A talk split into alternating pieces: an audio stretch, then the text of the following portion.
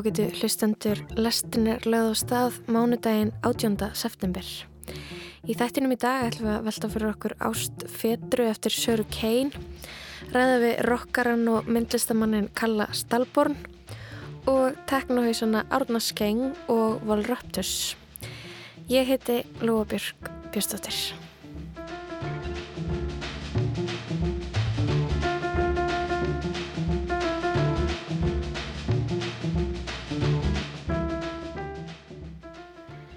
Þeir Björgmundur Ingi Kjartansson sem er oftast kallaður Volraptus og Árni E. Guðmundsson eða Árni Skeng eru í hópi íslenskra listamanna sem búsettir eru í Berlín. Báðir hafa þeir gert það gott á sviði ráftónlistar en hann Stengtor Gretar Jónsson kíkti í heimsókn til þeirra í það sem að kalla mætti félagsheimili íslenskra ráftónlistamanna í Berlín eða Íbúð Árna. Og við spjöllum við fleiri tónlistamenn, myndlistar og tónlistamæðurinn Karl Stalborn, söngvari rocksveitarinnar Skrattar, opnaði síninguna sína Kallt Stálbarn í galleri 1300 gráður á Bergstæðastræti síðasta fyrstu dag. Myndir Karls eru unnar með trélit á svartan pappir og þar mætast harka og mildi, rafmagn og fígurur. Snorri Rapp Halsson leit við hjá honum þar sem hann var í óða önn við að hengja upp verkin nokkrum tímum fyrir opnun. En við ætlum að byrja í leikhúsinu, nánar tiltekið á Ást Fetru eftir Söru Kein sem er í síningu um þessar myndir í kassanum í þjóðleikúsinu.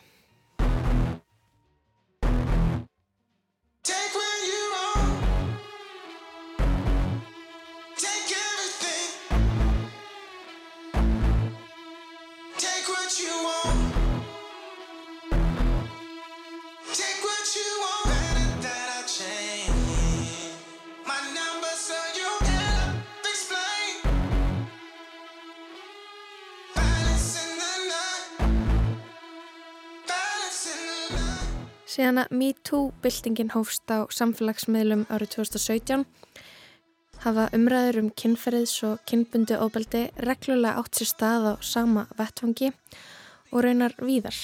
Í hefðbundnum fjölmjölum, í bíómyndum, á alþingi og á kaffistofum. Við hefum þurft að horfast í augu við það að það er ekki bara mun fleiri en við heldum sem eru fornarlömp einhvers konar kynferðisofbeldis heldur eru gerendur líka fleiri og víðar. Þeir eru í valdastöðum í samfélaginu, þeir spila fótbolta fyrir landsliðið, þeir DJ-a á mentaskólaböllum, þeir eru frendi, vinur, maki.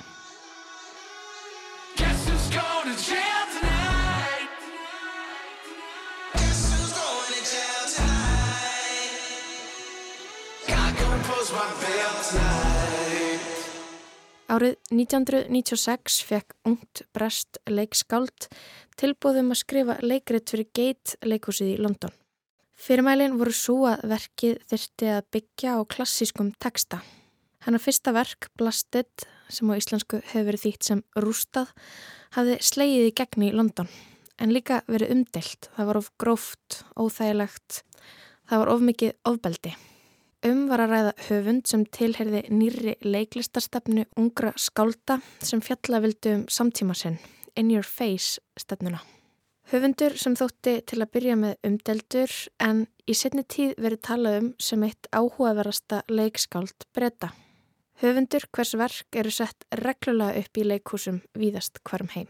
Breska leikskáldið unga var Sarah Kane, hún var fætt árið 1971, sem gerir hana 25 ára gamla þegar hún skrifar verkið Ást Fetru sem byggði á Fetru eftir rómverjan Seneca sem skrifaði sína útgáfi af góðsögunni árið 54 eftir Krist. Sko mér finnst eiginlega helsti munurinn vera að því að svo hérna uh, skrifa líka Sjónra sín verk um Fetru í 1700 og eitthvað. Hér er Katrín Guðbjartsdóttir. Hún útskrifaðist nýlega af Sviðsöfundabraut Lista Háskóla Íslands og hún skrifaði lokaritgerina sína um ofbeldið í ást fetru eftir Söru Kein. Að því að þá, sérst, í þessum gríska, eh, forngrísku skrifum að þá er, eru fetru gefin, eh, gefnar þess að fórsendur að hún sé vond og hún færi rauninni smá pláss til að vera það, ekki eins mikið og, og hérna hjá Söru Kein kannski en svo færist það einhvern veginn alveg í þessu verki eftir Rasín þar sem að hún er bara romantíseruð alveg. Og hún er einhvern veginn algjört fórnalamp mm. og svo er næsta sem við sjáum er bara Sara Kein að alveg snúa því upp á sig sko. Þannig að ég held að það sé svona að þú veist smá svona plásið sem að hún fær sem að breytist alltaf í gegnum öll þessi verk. Magnús Örn Sigursson, bókmyndafræðingur, fjallaði um fetru í þáttunum Skortningar frá árunnu 2010. Góðsaganum fetru er á þá leið að fetra dóttir Mínosar konungs á krít er gift Þeseifi, einni mestu hetju grískrar góðafræði og einni konungi yfir aðþennu. Fetra verður síðan ástfangin af Hippolítosi, stjúpsinu sínum, sem er sonur Theseifs frá fyrra hjónabandi. Hippolitos kemst síðan að ástum stjúpmóðu sinnar og verður svo nextlaður, skiljanlega, að hann flýr úr ríkinu. Theseifur fær síðan þau raungu skilaboð að Hippolitos hafi verið skotin í fetru og verður svo ævareiður að án frekari aðtöðuna skipar hann sjávarguðinum að drepa svonsinn. Eftir þetta fremur fetra sjálfsmorð og Hippolitos er setna drepin af sjávar skrimsli. Já, hér er á ferðinni alvöru gríst drama. Magnús Örn Sigursson er aðeins betri að segja frá þessu heldur en ég, en Ástfetru er þessa dagana í síningu í kassanum í þjóðleikursinu í þýðingu Kristínar Eiríksdóttur og leikstjórn Kolfunu Niklósdóttur. Margret Viljámsdóttir fer með hlutverk Fetru, Sigurbjartur Sturla Atlasson er Hippolitus, Blær Jónsdóttir er Strófa, Halli Mello er Presturinn og Þrösturljó er Þeshefur og fullkominn sem slíkur.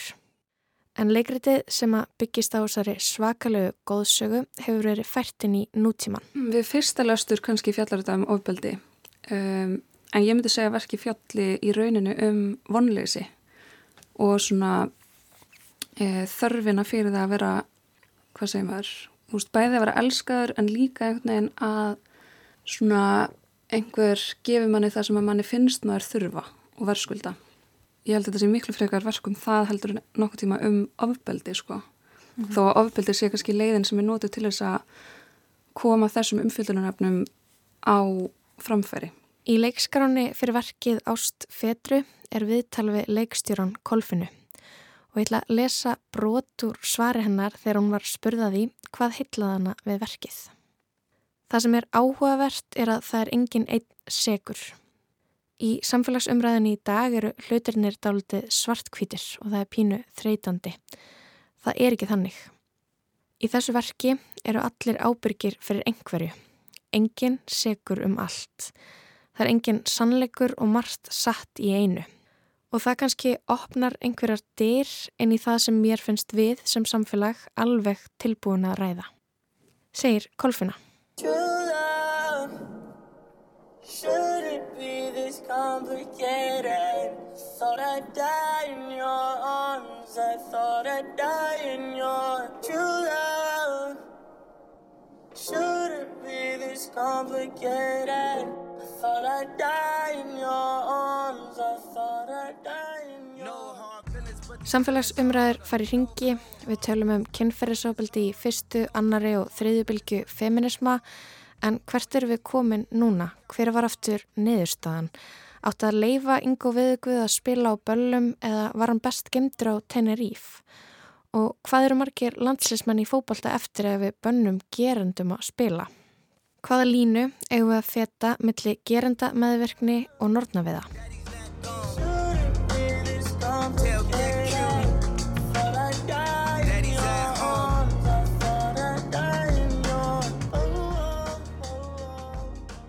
Þessi nýja uppsetning kolfinu og ást fetru eftir Kane býður ekki upp á neitt þægilegt eða einfalt svar við þessum spurningum. Ég kom ekki auga á neina niðurstöðu. En þessi stað réttir verkið okkur óþægilegan speil sem er óþægilegt að horfa í. Við erum engur nær með svörin sem við erum búin að vera að leita að síðan löngu fyrir fyrstu bylgu Me Too. Og svo er það annað sem að Kolfinna segir í sama viðtali. Það er gaman að sviðsita verk þar sem konan er nokkur skonar illmenni. Ég er hrifin af byrtingarmyndum hvernpersona í menningarefni þar sem konan er ekki bara viðfang og þannig er þetta verk.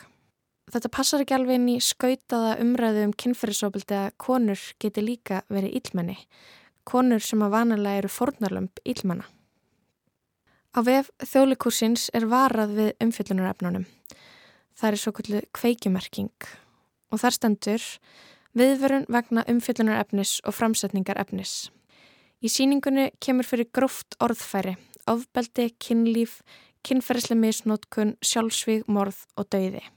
Og ég held að flestir hugsi að það séu þá þólendur ofbeldis sem myndu vilja forðast slikt verk, verk sem minnir á áföll sem enn kvíla djúft á sálinni, en Katrínu grunar að það sé annar hópur sem geti þótt verkið óþægilegt. Uh, ég held að maður komist eiginlega ekki hjá því að hlæja smá sko, af því þetta er svo fárunlegt. Uh, og ég held að séu líka bara eitthvað svona taugaviðbröð smá að hlæja að einhverju ógíslegu, þú veist. Um, en jújú, jú, það er alveg margt, margt mjög fyndið ef maður leifi sér að fara þángað að finnast að fyndið. Mm -hmm. ég held að fólk geti tekið þessu mjög míseflega. Mm -hmm. um, já, ég menna þú veist, erum við, þarna, erum við tilbúin að hlæja að uh, einhverju eins og kynferðsóbildi og uh, ógísleiri framkomu? Ég held að við séum tilbúin til þess að hlæja að fáranleikanum í kringum hvernig er fjallað um kynferðsóbildi og hvernig, er, uh, hvernig allt í kringum það er. Ég held að við séum ekki tilbúin í að fara að gera grín beint af kynferðsóbildi eins og var mm -hmm. uh, en ég held alveg að við séum tilbúin í að uh, svona smá fá pínu í andlitið hvað umræðan, samfélagsumræðan er skrítin í kringum þetta uh, og mér fannst alveg smá gott að fá það bara í andlitið, skiljuru. Mm -hmm. Þá á báða vegu, báða bæði þeir sem eru að reyna að vekja aðteglega á kynfyrirsofbildi og líka þeir sem að uh, já, óttast umræðina. Já, mér fannst þetta alveg svona smá bara eiga rétt á sér. Mm -hmm. Ég er allavega upplifa það um, en svo veit maður ekkert skilur svo eru einhverjir einhverjir gerundur sem að, þú veist, finnst þetta bara ræðilegt skilur og finnst bara ekkert eiga sína svona og, og hérna, þú veist, ég held þetta sé rosa mikið bara mikill sannleikur beint í andlitið hvort maður vilja neða ekki, sko mm. Gerundur, mennar þólendur? Nei. Nei, gerundur ég held að þeim finnst vond að sjá þetta, sko ég held að þetta sé smá þú veist, að sjá þetta verk sett upp uh, þar sem að allir eru vondir einhvern veginn. Ég held að, að, að þeir gætu upplifa þetta sem smá svona að það sé vera að pota í þá mm. eða bara svolítið mikið það mm -hmm. uh, og ég er svona þú veist, mér finnst það gott en ég held að þeim finnst það vond. Mm -hmm. Hvernig fannst þér eins og þú veist bara svona byrtingamindir ábyldis á sviðinu, hvernig fannst þér þær lausnir vera? Sko, mér fannst þær vera uh, mjög áhrifaríkar og mér fannst ég alveg finna uh, fyrir ofbilduna en kannski er það líka því ég þekki handritið svo ógjastlega vel uh, en mér finnst þetta samt svona frekar snirtilegt svona miða við það sem að handritið í rauninni býður upp á þetta býður upp á alveg bara bara ógjastlega mikinn viðbjóð eiginlega þannig að mér finnst þetta vera svona þetta var sárt en þetta var samt alveg svona ég gæti alveg horsta á þetta mm -hmm. Þannig að, já Ég spurði Katrínu af hverju hún fekk þannan mikla áhuga á Söru Kein og þessu verki, Ást Fedru. Þegar ég var í náminu í, í hérna listáskólunum að þá lásum við tvö verk eftir hana, annað þeirra var Ást Fedru og hitt var uh, síðasta verki sem hún skrifaði og ég tók því svo persónulega, ég þurfti að lesa það og mér fannst það svo vond. Og hérna... Hvers vegna tókstu því persónulega? Uh, af því að það fjallaði það var svo ógíslega grótest og þetta var á fyrsta ári og ég var svo eitthvað lítil í mér og vissi ekki neitt þannig að ég eitthvað svona þurfti síðan að lesa ástfetru setna mér í skólanum og þá eiginlega bara svona tók ég í smá sem eitthvað svona ok, þú verður bara að díla við þetta og verður bara að læra að fjalla um svona dót Útið þegar fannst það erfitt Já, mm -hmm. þannig að hérna það var eiginlega svona pínu ákvarðanatakan og svo líka bara var þetta áhugavert. Eins og kom fram fyrir þessu einslægi fjallaði lokaritt gerð Katrínar um leikritið Ást Fetru og ofbeldið í verkinu. Ég spurði Katrínu hverju hún komst að við skrif rittgerðarinnar. Uh, ég komst að því að að mínu mati að þá er ofbeldi bara ein leið til þess að sviðsetja það sem að maður vill segja, alveg eins og grín eða brúðuleikur. Uh, það sem að það er notað einhvers svona leigir til þess að geta komið staði að hérna, segja frá einhverju sem er erfitt eða flókið eða uh, eitthvað svo leiðis. Að þá finnst mér ofbeldi vera svona uh, ein leið eða eitt leigir til þess að geta gert það í rauninu sko. Það er kannski pínu skrítin, skrítin leið. En mér finnst þetta svona mjög bersinlegt í söngleikum þar sem að hérna, það er einhvern veginn notað einhver svona söngur og gleði og skemmtun til þess að segja einhverju sögu sem er erfið og flókin og mér finnst þetta að vera í rauninni önnur leið til þess að gera það mm -hmm. það sem er sett eitthvað svona svona rosalega eh, erfitt til þess að horfa á fyrir framann mann og þá allt í nærmaða tilbúinir til þess að taka við sögunni eða því sem ég verið að reyna að segja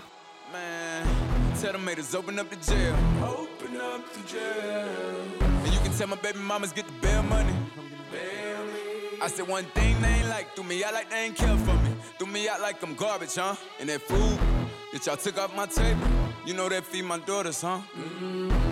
But I ain't really mad, cause when I look at it, I'm getting them snakes about my grass, and that's a good habit. I'm ready for war, let's get at them, and teaming up ain't gon' help. Cause beating the eyes too deep, just me and Goshen, good at it. Matter of fact, I'm great at it. Myself, I'm back at it. Það er áhugavert að hugsa til þess að í öðrum tíðananda á öðru tímabili mannkynnsögunni væri verkið ekki endilega tólkað sem innleg í MeToo umræðu heldur frekar eitthvað líkt því sem að Magnús talar um í þættinum skortningar frá árunu 2010. Í verki Kane sem ber nafnið Fetras Love eða Ástir Fetru er ákveðið aftur kvarf til rómversku útgáfu Fetru eftir Seneca. En allt ofbeldi verksins er sett á svið á mjög afdráttarlausan hátt eins og Söru Kane er voð og vísa.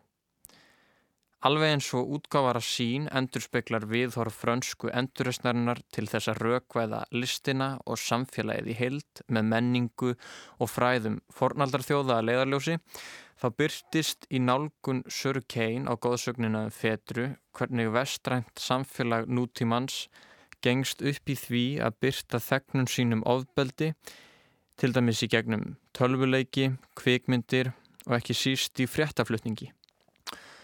Um leið og áhraundur verks Söru Kein spyrja sig af hverju það hefur að bjóða þeim upp á slíkan hrylling á sviðinu þá vaknar hugsanlega svo spurning til hvers fólk neyðist eða neyðist hugsanlega ekki til þess að horfa á ofbeldi dagstaglega í afþreyingar og fréttaefni. Ég held bara að það sé ógslæð mikilvægt að svona leifa sér að pæla í þessu og leifa sér að pæla í hvaða er sem maður tengi við í verkinu uh, af því ég held að við tengjum öll við eitthvað í þessu verki. Uh, og það er alveg pínu erfitt að horfast í auðvið, þú veist að tengja við að vera með svona smá element af einhverju uh, skakri hegðun, skilur mm -hmm.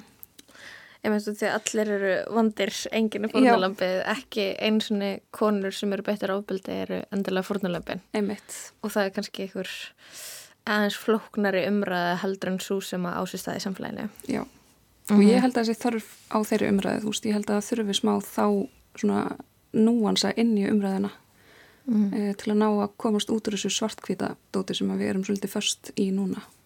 Mm. And the sky was made of amethyst And all the stars were just like little fish You should learn when to go. You should learn how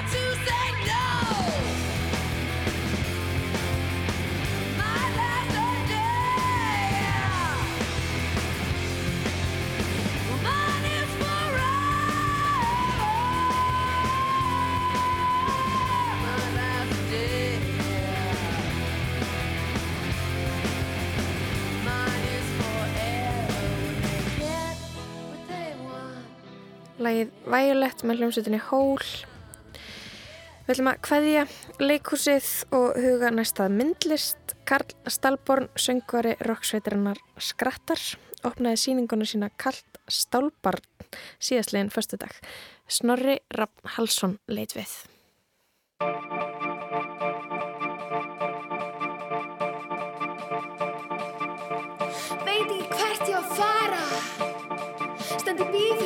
Alla.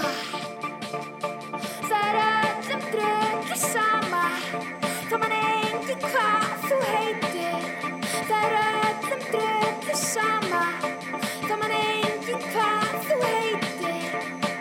Já, ég heiti Karl Þorstein Stelborn, kallar Kalli Stelborn ja, og við erum minna í 13. gráður gallerí, Bergstaðsræti, niður í hundraðinum, nýtt gallerí og ég er uh, með síninguna Kallt Stálbarn, þriða síningin hjá þessu nýja gallerí.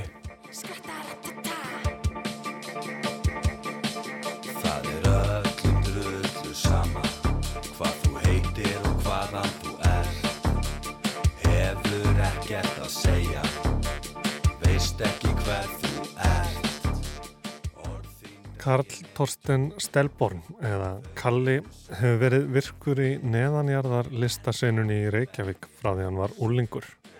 Bæði í tónlist og graffi en Lísa Pálsdóttir rætti við hann 17 ára gamlan í flakki árið 2008. Það er, eh, kom fram hjá henni Nínu í, nýri Exodus sem að selur spreybrúsana að, að, eftir að borgaríðuveld bönnuðu allt graffiti líka í undirgöngum sem að var svona eh, innan gæsalappa leifilegt allavega var svona litið framhjá því að það var graffa þar mm hún vildi meina að krótið hefði aukist mjög mikið eftir það Ertu sammála því? Já, ég myndi að segja það. sko. Fólk er bara svona, já, það, já, það er bara mótmæla. Sko. Hvernig myndir þú vilja sjá þetta? Bara leifisveggir hér og þar bara, það er eiginlega bara eina málið, bara byggja veggið eitthvað, þú veist, nota pláss eins og þú veist á mikla túnið eitthvað, það er ekkert verið að nota. Og hljómskólagarðin eða eitthvað, þú veist, það er, er ekkert verið að nota þetta pláss.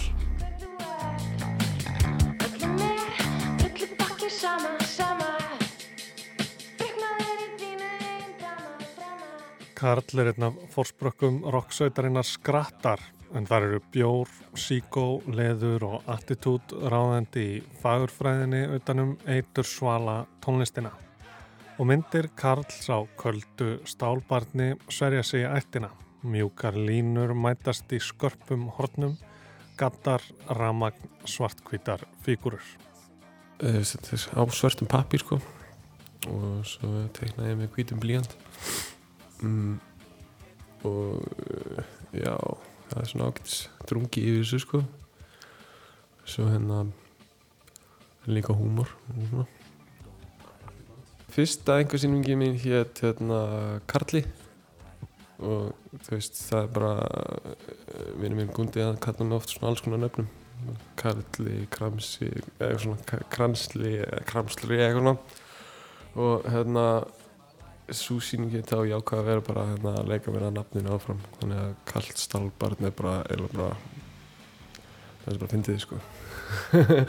Það er líka eitthvað svo crazy uh, líka þú veist, að vera, að vera ennsku svona cold steel baby. Veist, hvað sér þið fyrir þá? En já, það er kannski fínt þema við sýninguna því að þú veist, það er ákvað að hafa ekki neina titla á, á myndunum. Og lega bara veginn sjónarinn spila og tilfinningu við ráða eins og ég gerði því ég var að teikna myndina sko. Þannig uh, já, kallt stálbarn það er svona þú veist, þú getur bara ákveðið hvað það er sko sjálfur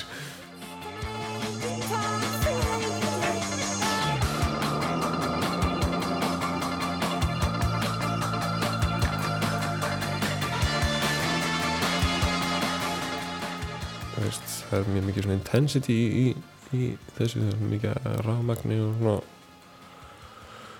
hvað maður að segja, bara einhver svona brjálaði gangi og samt einhver svona symmetri líka mikið en uh, já það er eitthvað svona eitthvað rock element sem kannski kemur beint frá mér út í myndunum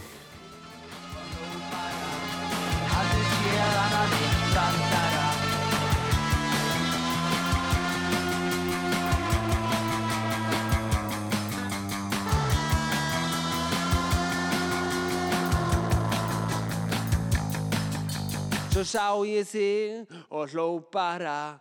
Aldrei séð annan eins brandara. Já, þetta er eiginlega bara svona kemur tilfrekar náttúrulega þessar þessa, pælingar sko, þótt að sé já, kannski ég ekki veist, þú veist, ég gerir tónlist þá er ég ekki eitthvað, ég ætla að semja þennan pönglag þá kemur frekar bara lagi sem að kemur eins og, eins og þessar myndir líka svolítið.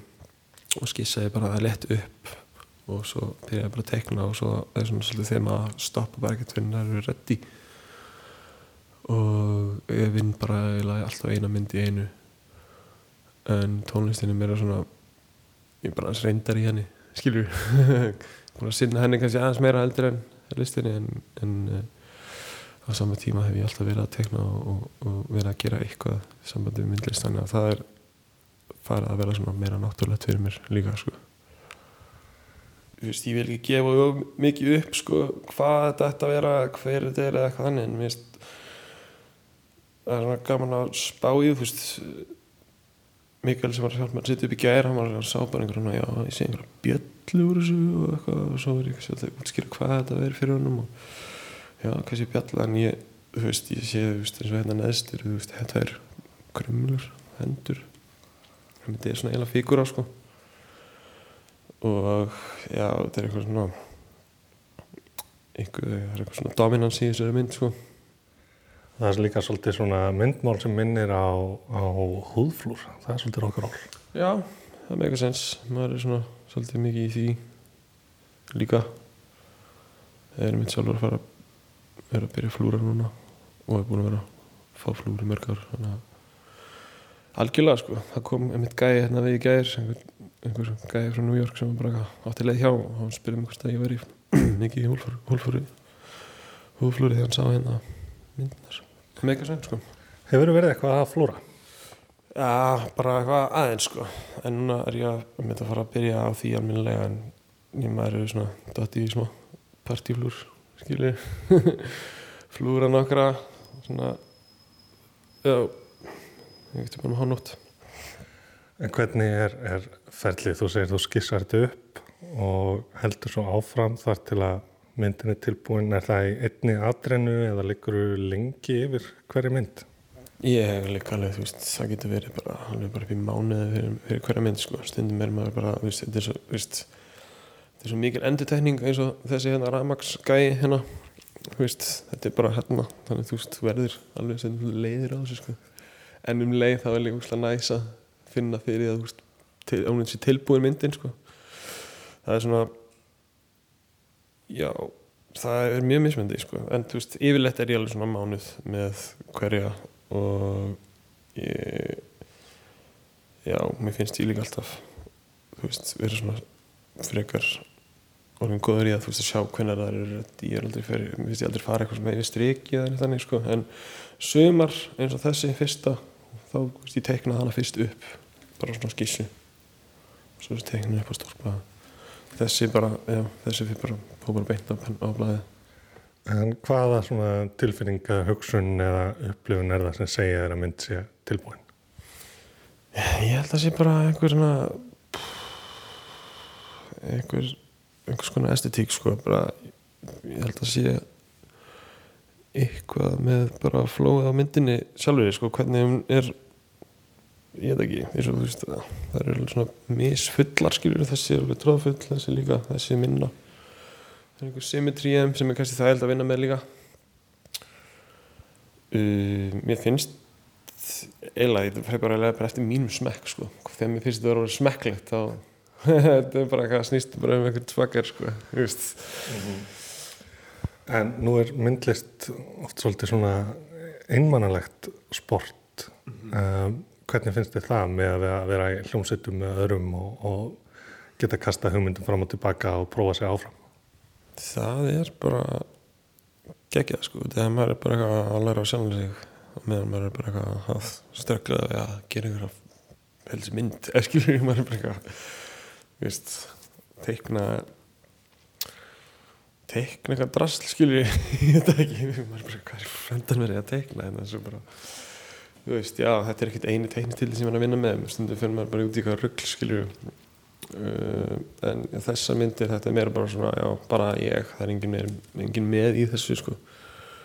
Og veist, ég er með stúdíurýmið með fleirum, stórt rými og þú veist já, ég hef mikið bara verið bara einn þar sko, bara að tegna og það virka vel fyrir mig en alltaf gaman að fá gesti þú veist, þú segir að þú sért að læra inn á sjálfæði, hvað ertu búin að læra af því að, að gera þessar tiltegna myndir? bara að gefa sjálf þessi tíma eða, eða, eða eigða tíma í það að gera eitthvað sem ég tilgangslist við þetta skilur veist, það er bara einhvern veginn að kunna metta að þú veist já, að veit ekki, ég lærði það því ég var ungur eða þú veist, því ég var, alltaf að tegna því ég var ungur og ég mann eftir að það var sagt við mig bara, já, þú veist, ekki hafa neina ágjörð að eigða pappír bara ef þú fylgir ekki það sem þú gera þá bara gera það næsta. Og bara næsta, næsta, næsta, þú veist staðan fyrir að vera bara á heitni mynd. En hérna er þetta einhvern veginn þú veist, maður er komin á það að vera bara þú veist, maður byrja kannski að skissa hann upp og þú veist galdurinn er óslott bara að fylla upp í eins og þú veist, að vinna með skugga og, og, og leira, þú veist, það er eiginlega aðmálið og eins og þú veist, þessi, þú veist það er mikið að, þú veist mjög mikið svona shade sem þetta lítur út svona svo glampi eða eitthvað. Og skuggin er náttúrulega bara til staðan þegar þetta er að gera þetta á svart en já, það er mjög gaman að, að sko kannski byrja mynd og vera ekkert svo sérstaklega viss með hana og svo um leiðu ferðað hella þér í hana og, og gera dítela og vinna að henni þú veist og þú veist, komin yfir þrjá tímana skilur við þá veist, þá er þetta allt annað einhvern veginn, því að byrjun er oftast erfiður sko. Hvernig finnst þér að vera í þessu rými? Mér finnst það gegja. Ég er að, þetta er nýtt galeri og gaman að fá að vera partur af því. Ég, þú veist, já, líka gaman að vera að sína, þú veist, þetta er meira overground dæmi. Ég líka bara elska, elska að vera í svona rými sem eru bara á jarðhæð, sko. Mér finnst það fallegt, sko, þegar galeri er mitt bara svona, svona settlur rými, þú veist, það er einfalt og, næs. Þetta er það sem Dragon Dimsumar bæði, ég veist ekki hvað það er. Akkurat. Það er svona, ég er búin að segja það núna, svona 300 sinni í þessari viku, sko. það, er, bara þannig að þetta er nýtt, sko, að, að maður er að kynna, kynna, kynna pleysið, sko.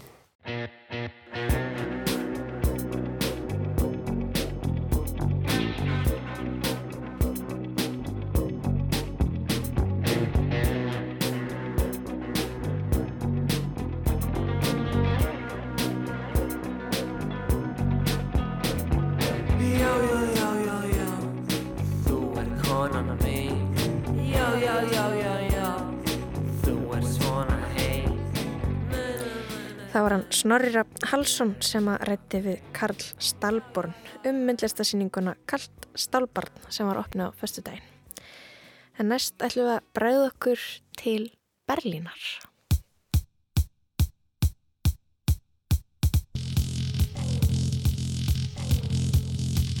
sweetheart.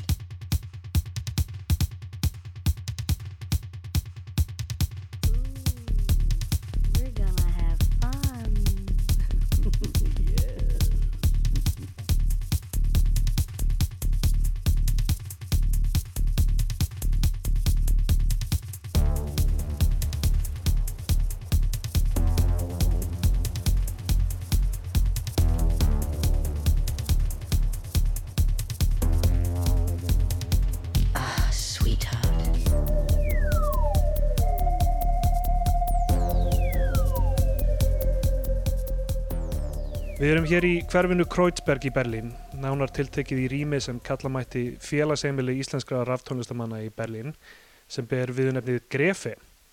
Og með mér hér eru tveir frumkvölar þegar kemur að íslenski danstónlist og sérstaklega útrás hennar til Berlínar og, og víðar um heiminn. Og þeir eru Átni E. Guðmundsson, plötusnúður og útgefandi sem er mitt býr hérna í Grefe og Bjargmundur Ingi Kjartansson sem gerir tónlistutu nafnu Volrutus. Takk fyrir að koma í lestina. Já, takk fyrir mig.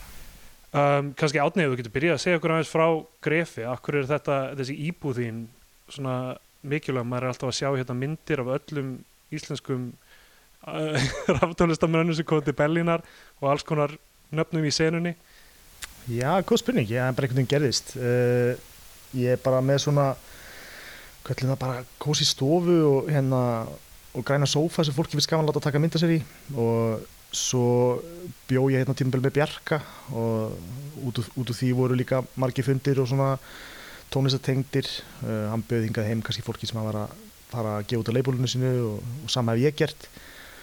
Og ég veit ekki, alltaf ekki bara eins og eitthvað kósi kaffihús nema aðeins heimilisleira Einmitt. Um, en hvað hva dróð ykkur fyrsti borgarinnar? Ef við byrjum á þér Björgmundur? Já, sem dróð mig fyrst í borgarnar var að ég þurfti að flytja heimann og hérna, húsnæðismarkaðurinn í Reykjavík var náttúrulega bara í steik og er það svo sem enn og svo líka bara þú veist, þurfti að komast út og svo var náttúrulega, það var alltaf planið að, stopna útgáfu og fara að spila og, og það gekk allt eftir í raun og veru sko. þannig að ég er mjög ánæður Já, ég var bjó í Íslandi og svo ákvað ég hérna kringu kannski 2015 að ég væri til að læra eitthvað tengt rátónlist og enda með að skrá mig í nám fluttinga 2016 haustið og fór í skóla að tók bachelor í Electronic Music Production. Uh, enda samt bara fljótlega á vinnumarkanum og búin að vera einhverjum tölvustörum síðan þá en er samt líka að reyka fljótu útgáfi og, og spila hér og þar en já, allir sér ekki aðal fókusi minn í augnablikinu bara á plötu útgáðuna Einmitt, ef við, ef við myndum bara aðeins fyrir hlustandi kortleggja hvernig þetta er. Þú ert með plötu útgáðuna Nix og þú nefndir Bjarka sem er náttúrulega kannski stærsta nafnið svona af, af þeim Íslandingum sem er í senunni og, og, og er með sína eigin útgáfu. Uh, er eitthvað og, og svo Bjarkmundur þú hefur verið að gefa út á alls konar leipilum hérna í borginni og viðar og Bjarkmundur hefur náttúrulega verið með Svetti Records. Með Svetti Records, má ekki gleyma því. Já og kannski, kannski það, er, það er meira svona elektró og, og, og, hérna, og þetta, þetta næri yfir uh, svona spannar víðan völl í, í danstólist, ekki sagt? Já, ég myndi segja að þessi þrjú leipul hafi svolítið svona sína sérstakar áherslur en einhvern veginn tengist saman að mörgu leiti Já, það er alveg 100% svona silfur þráður sem liggur í gegnum íslenska ráftónlist það er eitthvað sama hvað stílað er, það er eitthvað sem bindur það saman. Já, akkurat, Svetti hefur náttúrulega mest verið að fókusa á íslenska ráftónlistamenn og gerir enn en ég með Nix, ég, ok, jú, fyrsta útgáðan var náttúrulega lag eftir mig og Hermi Gerul en síðan þá, þá hef ég verið að færa mig svona eins kannski út í meira teknosound og en næsta plata er einmitt eftir Bjarka. Það er plata sem ber nafnið Tirsin Berghain Já, seinasta útgáð hjá Sweaty Records var platan Connection eftir Kolbrún Klöru Gunnarsdóttur einnig þetta sem Jad Sia. Og hún er búin að vera að gera mjög góða hluti, gefa út út um allan heim, flottar og mikið á svona samskífum flottar plötur líka. Og klárlega hérna, eitthvað sem að verðt að fylgjast með.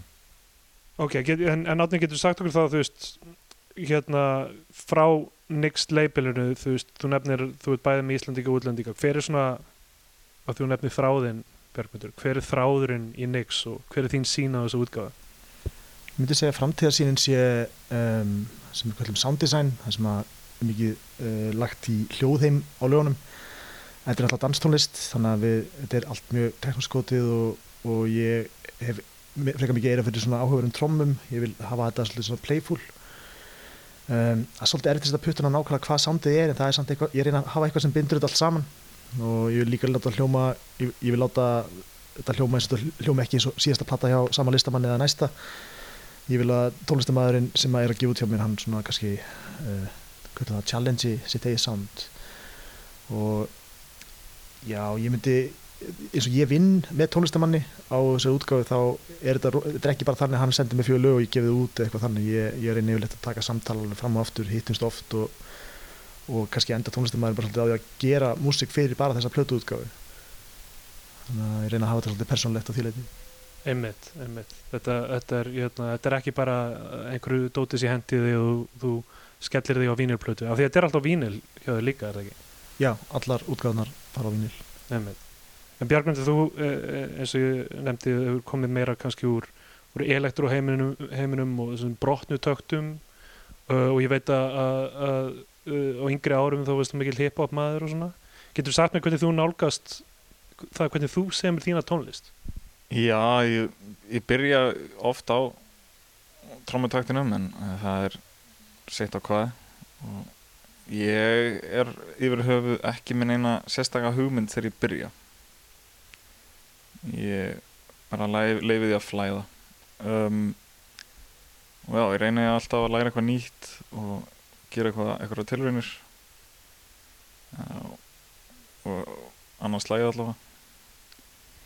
En já, ég reyna að festa mig ekki of mikið í einhverju einni aðferð þó það gerist nú að vissu leiti Það verður að passa þig Já, já.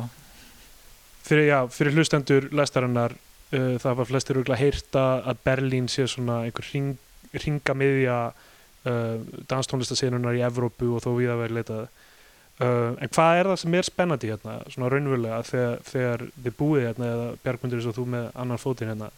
Og hvað er það sem betur mætti fara? Af því að er, er, er svona senur ekki fljótar að verða of, of svona hvað maður segja svona markasvætar eða tú, túrista miðaðar og slíkt? Já, það sem Berlín hefur aðalega á að bjóða hvar mikil saga, menning er stór hluti að sögu menningar þessar borgar er tekno, það er rosalega mikið af klubbi minna, það er rosalega mikið af ungu fólki, fólk sem að fer á teknoklúpa þannig að það er rosalega mörg parti í Berlín, alveg á við margar margar, margar stórborgir til samans hverja helgi. Þannig að það hefur það. En það sem betur mætti fara það sem er verið að breytast þetta mikið er bara að Berlín var rosa ódýr borg. En hún er það þú veist, ekki lengur. Hún er svo sem ódýr með við Ísland en, en hún er töluvert dýrar en hún var fyrir bara þó nokkrum, bara nokkrum árum. Þannig að það er það sem mætti fara betur. Í rauninni er pólitík Þýskalands. Já, ég veit að sjá í dag var einhver sem útbjóð línuritt sem að yfir svona með ártali á annan ásinn og, og hinn ásinn þá var hérna uh, lámaslaun lögbundin í Þýskalandi. Og svo fyrir ofan var hinn línan var hérna aðgangsýrir á Berghain. Búið að hækka talsveit hraðar. Aðgangsserinn á klubbin fræga Já, akkurat. en hérna ég vil líka sé að döner kebabin, fræ, ég meina frægasta máltíð Berlínar hefur stokkið upp þremur, e- frá þremur og hálfur efru upp í hvað, 6-7 núna á, á bara nokkrum árum? Já, þetta er, þetta er ekki ósættilegt Já, það sem að gera, sko, það, á tímabilið það var hægt að vera hérna í, í hlutastarfi á skýta launum samt, þú veist, fara á djamið og, og hérna og, og allan pakkan, sko og náttúrulega kannski ekkit sérstaklega þú veist, hérna dýr lífstíl en það var, það var hægt. Núna er þetta svolítið svona work hard, play hard lífstíl, þegar það var eiginlega bara svona play hard. Fyrir, sko. Það, mér finnst það. Uh, Átni, þú, þú ert náttúrulega hluti af, af Pluto-teiminu sem eh, hefur lengi svona verið upplugt í senunni á Íslandi. Haldið út í útvastætti og, og svona kynnt bæði íslenska tónlist og erlenda tónlist sem þú myndir kannski ekki finna svo öll uh, en, en hvernig svona hafandi verið hérna í þennan tíma hvernig lítur senan út á Íslandi fyrir þér Eh, er, er, hún að, eh, er hún að koma upp, er hún að blómstra eða er einhver stöðnun í gangi hvernig, og, og, og líka klúbarnir og, og þau rými sem hægt er að halda svona viðbörð í? Ég myndi segja að íslenska senan hafi um, bara illa batnandi muna frá því ég byrjaði að sækja skemmtistæði Reykjavík og, jafnvel síðan ég flutti úr landi bara svona tónlistin sem maður heyri almennt þú kannski lappar millir nokkara staða í miðbáður Reykjavíkur og þá er bara mjög fín tónlist núna og mjög áhugaverð tónlist og miklu frjálsleira hvað fólk er að spila það er ekki einhvern veginn reglur eins og voru áður kannski á kaffibarnum, spila bara hás eða eitthvað. Það er bara, þú spila það sem þú vilt. Og ég myndi bara segja að það sé fullt af ungu uppröndi liði sem er að spila mjög góð tónlist. Og, en vandamáli við Reykjavík sem hefur verið bara í mjög langa tíma það er eiginlega engin klúpur þar. Það er ekkert að gerast. Það er bara allt eitthvað kaffihús sem er frekar treytandi til lengdar. Já, akkurat, það er einna að benda á einmitt núna þá er eina rýmið það sem er þetta sem er reglulega danstónlist og er ekki bara eitthvað hérna, skamtímabundið, það er hérna, það er bravo, það er frábært en það er bara leiður fyrir 50 manns þar. Og það er ekki hægt að, hérna, það er engin skemmtistöður neyri bæ með, með almennlegu dansskólu sem er nógu stórt til þess að fara til þess að bóka inn lið frá útlöndum þá er hægt að gera þú veist að, að leiði eitthvað rými og leiða hljóðkerfi og náttúrulega tilvægt dýrar og svoleiðis. En það er mjög flotti hlutir að gerast um þessi svo hérna strákanir á skúlagötu. Þau eru búin að gera hérna, flott party í kornhluðinni og hérna en það vantar klárlega stað með sem að, sem að spilar þessa danstónlist um, sem er með að minnst kosti 300 manns leiði fyrir 300 manns. Kannski hægt að nefna þá partíin sem, sem þú hefur staðið að buksur og, og, og önnur nöfni svip, svip, önnur partíi með svipuðu nafnið því að breytu nöfninum eitthvað. En þá, þá hafið þið lagt mjög mikið í einstaka viðburð sem er kannski sjálfgefara hér. Hér eru bara gangandi klubbar og, og þú getur farið hvern fyrstu dag eða lögadag eða, eða stundum virkadaga á þá klubba en, en þið hafið þurft að, að, að auglýsa og kynna og finna stað og slíkt. Getur þú sagt mér eitthvað um það ferli á því? Já, það ferli er bölva bras, ég segja eins og þér, en það er alltaf gaman þegar það vel gengur. Uh, við hefum bara einhvern veginn haft það markmið, við byrjuðum þetta samstarfurinn í 2015 þegar, og gerðum það árlega þá þegar Nína Kravits var að halda tripparti. Fyrstu tvö fórum fram í helli og svo uh, fórum við að gera eitt, eitt verð á fjalli.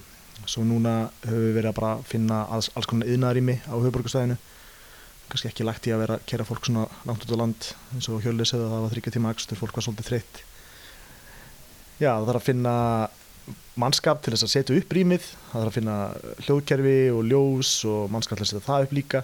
Við höfum verið að vinna með listamönnum, málurum alls konar, við höfum verið að gera þetta eins konar listasýningu upplifun fyrir uh, gesti. Og svo reyna bara að hafa tónlistana eins góða mögulegt er og líka reyna að hafa unga upprænlandi plötusnúða frá Íslandi sem eru aðeins í senni og það sem við bjarkir alltaf búum ekki á Íslandi þá kannski þurfum við að hafa svolítið fyrir því að finna út hvað er í gangi þar en við vitum alveg af alls konar en við lendum alveg í það að missa af einhverju um, Já, en, en, en þetta leipel hans Bjarka uh, BB, BB, BB er þetta ekki 6B? Það er 6B Og hva, hvað getur sagt okkur um, um það leipel? Já, það hefur mitt verið uh, átt frekar mikilvægans sess í íslenski rattónlist svona undarfærin ár og pikkað upp frekar mikilvæg nöfn myndi ég segja. Ég með alltaf hérna við liðin á verðan Bjargmundur hann gáð þar fyrsta platan. Já, ja, fyrsta svona stóra, fyrsta plata mín á vínil fyrsta svona stóra útgáða mín. Akkurat og svo kuldabúli kom alltaf það líka. Já, hann er bara verið að dölur að púsja út íslensku listamennum hefur verið með þessi compilation líka í gangi, sapskýfur kölluðu það. Og bara mjög áhugavert að við vinnum mjög náið saman sko, þó, þó að hann reykir leifbúli þá er, er þetta allt saman og mikið samstarf hjá okkur. Menna, við gefum hverju öðrum álita á öllu sem við erum að gera og þú veist, og svo heldum við þessi partí saman ég og Bjarki, hann er kannski svona ramagnið í þessu samstarfi og, og ég er hjartengingin, því að segja. Það þarf bæði að, bæði að vera til staði til þess að hljóma vel.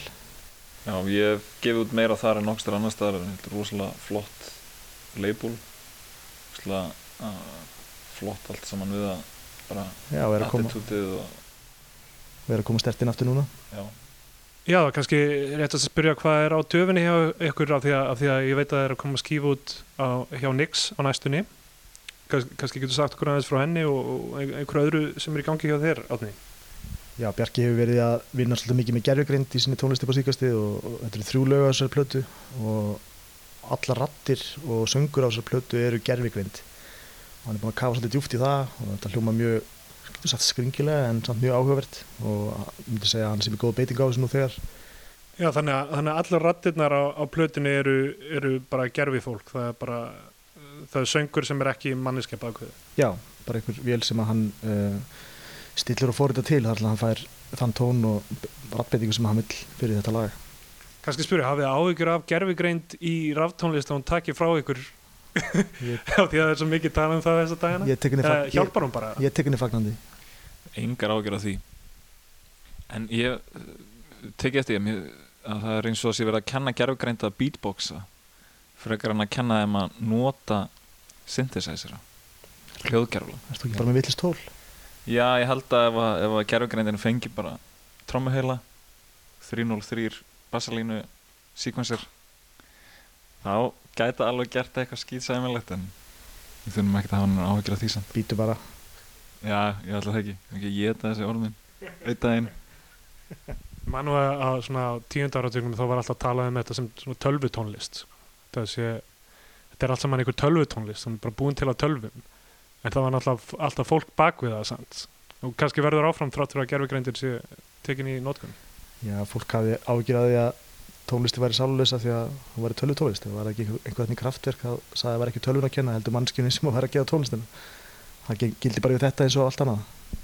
Já, ég hugsa líka að gerðugreind muni setja meiri pressa á fólk að gera eitthvað eitthvað hérna, mjög hérna, frumlegt af því að um leiða búa um leiða eitthvað sound er orðið svolítið formúlukent og þá, þá mun gerðugreind auðvöld með að endurskapa það að gera eitthvað alveg frumlegt það verður mun erfiðara fyrir gerðugreindina að gera En Bjargmundur, er- hvað getur þú sagt okkur af, af því sem er á döfinni á þér? Þú ert að eitthvað að spila og eitthvað, eitthvað að gera nýja tónlist? Já, ég er að gefa út um, það eru nokkrar útgára leiðinni uh, bæði solo og með bandinu mínu 3D Dancer um, það er líka eitthvað að giggum á döfinni, ekkert sérstaklega mikið en, en bæði líka solo og með bandinu mínu 3D Dancer um, Góð sveit. Þakkar. Það er svona improv band sem að ég er í með tveim vinnum mínum Rachel og Alex. Og já, við erum, að spuna með hljóðgerfla og, og hvað hva var síkvensar á íslensku núna? Runólfur. Fyrst við erum á rúf en að Tónraðall eða eitthvað svona. Já, já, já. Sem Eh, gerum ekki að vil Akkurát og það er rosalegt fjör það er geðt stuð Uh, já, þá kveðum við bara hérna frá Grefi félagsheimilinu það sem plötunar eru í röðum upp um allaveggi. Uh, Bjargmundur og Odni, takk fyrir að spjalla við okkur í lestinni í dag. Já, takk sem við leiðis og verðt alltaf velkomin Takk fyrir mig, takk sem leiðis